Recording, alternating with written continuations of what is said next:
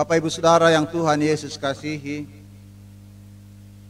firman Tuhan untuk kita di pagi yang indah ini di hari kemenangan Yesus Kristus itu terambil dari Lukas 23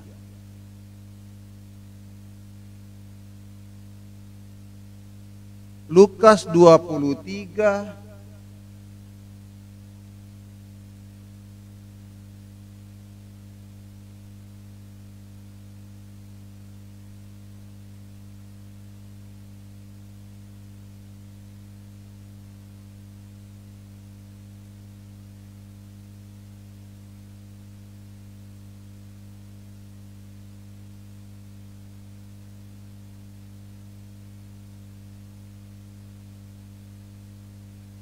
Lukas 23 ayat 56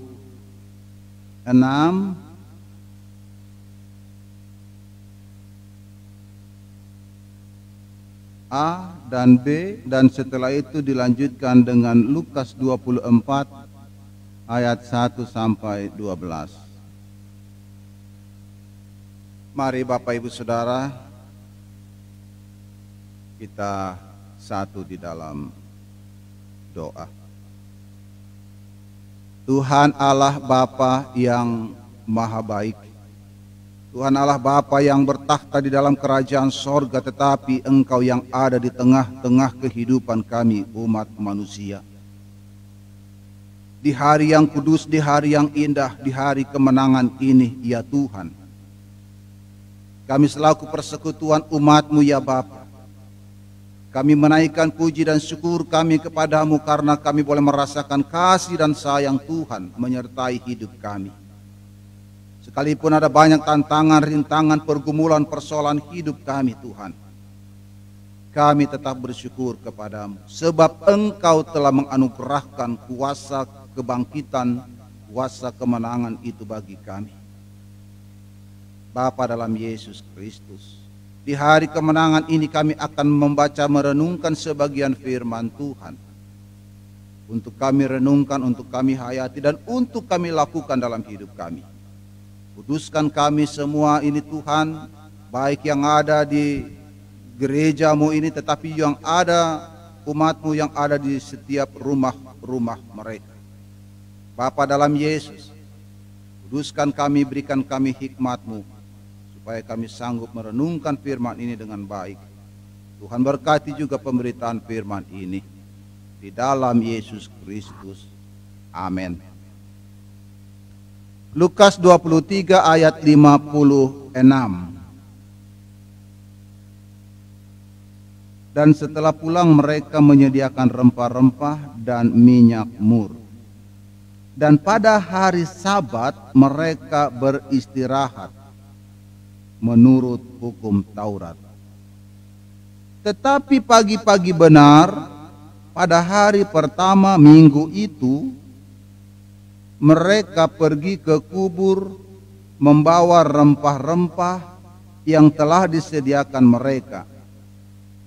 Mereka mendapati batu sudah terguling dari kubur itu.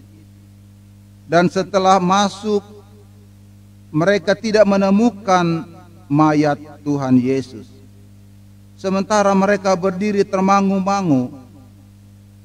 Karena hal itu, tiba-tiba ada dua orang berdiri dekat mereka, memakai pakaian yang berkilau-kilauan. Mereka sangat ketakutan dan menundukkan kepala. Tetapi kedua orang itu berkata kepada mereka, "Mengapa kamu mencari Dia yang hidup di antara orang mati. Dia tidak ada di sini. Ia telah bangkit. Ingatlah apa yang dikatakannya kepada kamu ketika ia masih di Galilea, yaitu bahwa Anak Manusia harus diserahkan ke tangan orang-orang berdosa dan disalibkan, dan akan bangkit pada hari yang ketiga maka teringatlah mereka akan perkataan Yesus itu. Dan setelah mereka kembali dari kubur, mereka menceritakan semua semuanya itu kepada kesebelas murid dan kepada semua saudara yang lain. Perempuan-perempuan itu ialah Maria dari Magdala dan Yohana dan Maria ibu Yakobus dan perempuan-perempuan lain juga yang bersama-sama dengan mereka memberitahukannya kepada rasul-rasul. Tetapi bagi mereka perkataan-perkataan itu seakan-akan omong kosong dan mereka tidak percaya kepada perempuan-perempuan itu. Sesungguhnya demikian, sungguh pun demikian, Petrus bangun lalu cepat-cepat pergi ke kubur itu. Ketika ia menjenguk ke dalam, ia melihat hanya kain kafan saja. Lalu ia pergi dan ia bertanya dalam hatinya, apa ya kiranya yang telah terjadi. Bapak Ibu Saudara kekasih Tuhan,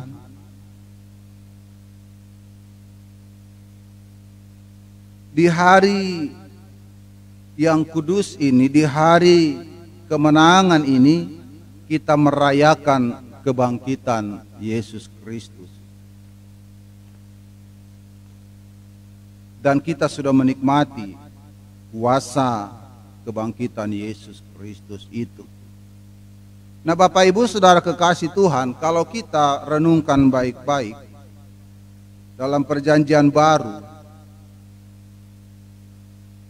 seluruh perjalanan hidup Yesus mulai dari kelahiran, kehidupannya, penderitaannya, sampai kepada kematian Yesus Kristus hingga kebangkitannya Bapak Ibu Saudara, semua itu adalah dalam rangka melaksanakan karya penyelamatan Allah bagi seluruh umat manusia.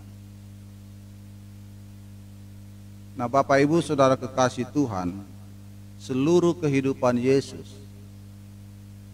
dicurahkan untuk penyelamatan hidup manusia dari kuasa dosa, dari kuasa maut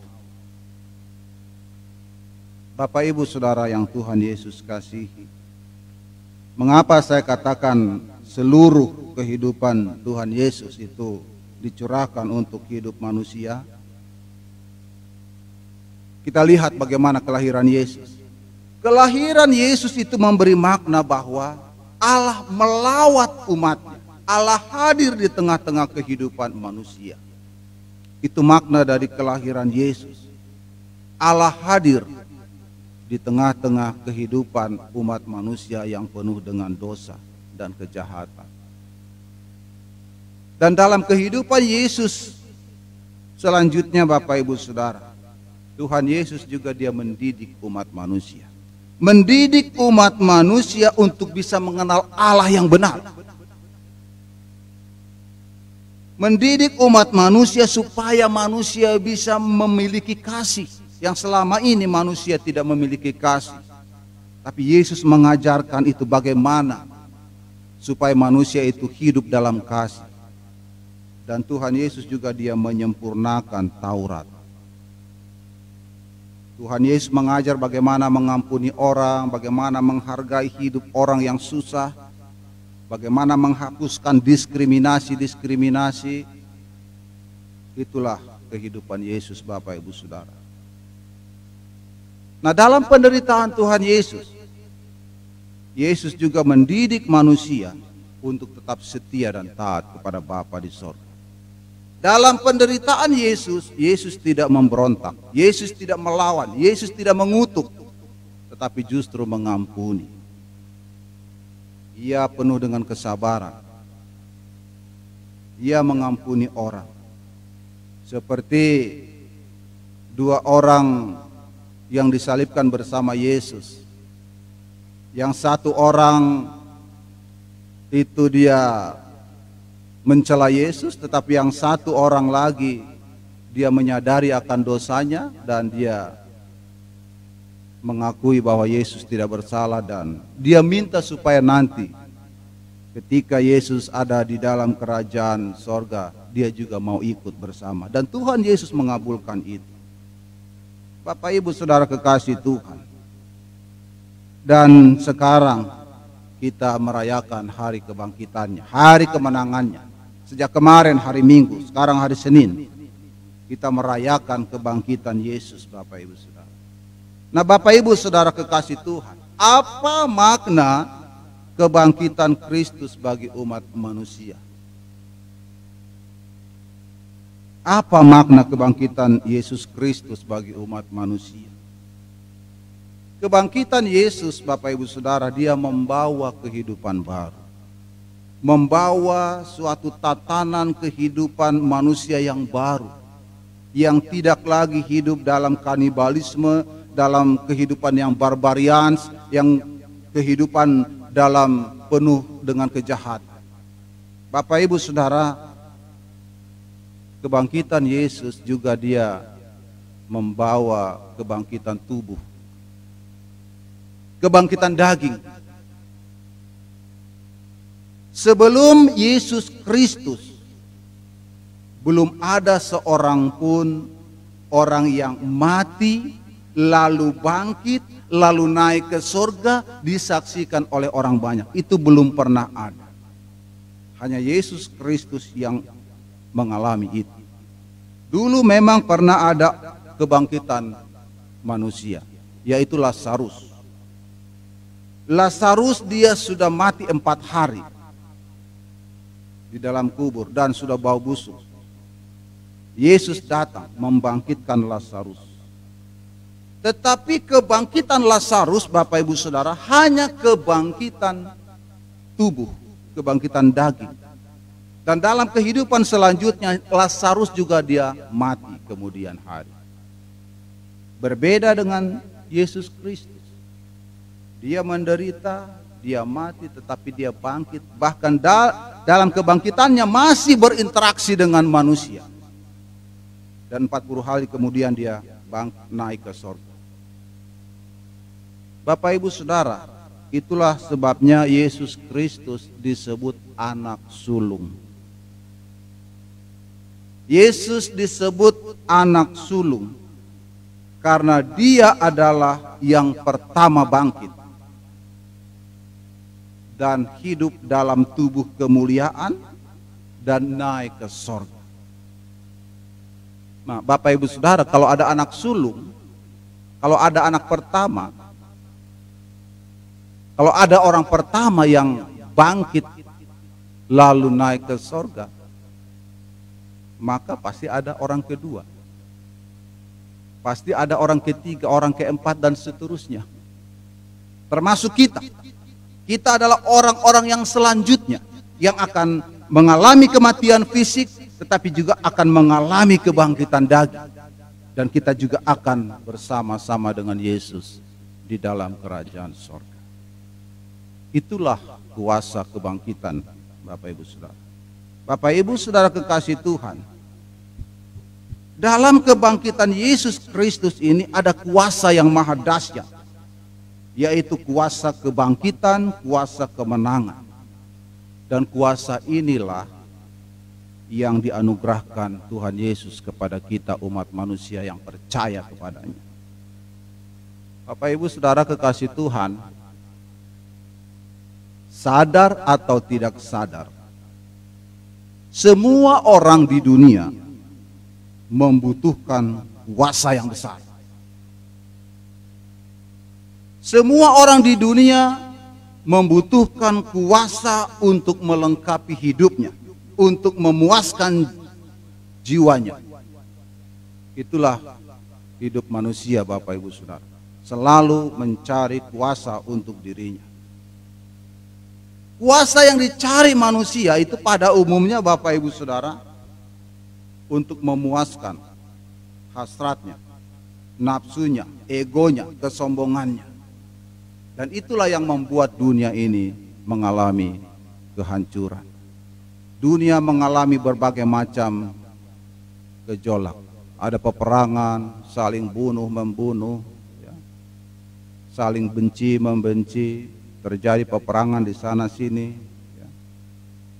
Dunia penuh dengan kuasa dosa, kuasa kematian Bapak Ibu Saudara. Itu karena kesombongan manusia keangkuhan manusia Bapak Ibu Saudara. Kuasa-kuasa apa yang selalu dicari oleh manusia Bapak Ibu Saudara? Banyak kuasa dalam dunia ini. Ada kuasa hipnotis, ada kuasa magic, ada kuasa supranatural, ada kuasa-kuasa alam gaib, kuasa-kuasa roh-roh nenek moyang. Ini yang selalu dicari manusia. Tujuannya apa? Supaya dia bisa menguasai orang lain. Supaya dia bisa melakukan hal-hal yang luar biasa. Makanya jangan heran Bapak Ibu Saudara ada orang yang seolah-olah kebal ditembak, kebal ditikam. Itu adalah kuasa-kuasa magic yang selalu dicari-cari orang. Tetapi itu Bapak Ibu Saudara sia-sia. Semuanya itu tidak menyelamatkan manusia itu. Semuanya itu akan membawa kepada kehancuran hidup manusia. Bapak Ibu Saudara kekasih Tuhan. Kuasa kemenangan, kuasa kebangkitan Yesus Kristus yang dianugerahkannya kepada kita. Dan kita menerima itu dengan iman percaya. Supaya apa Bapak Ibu Saudara?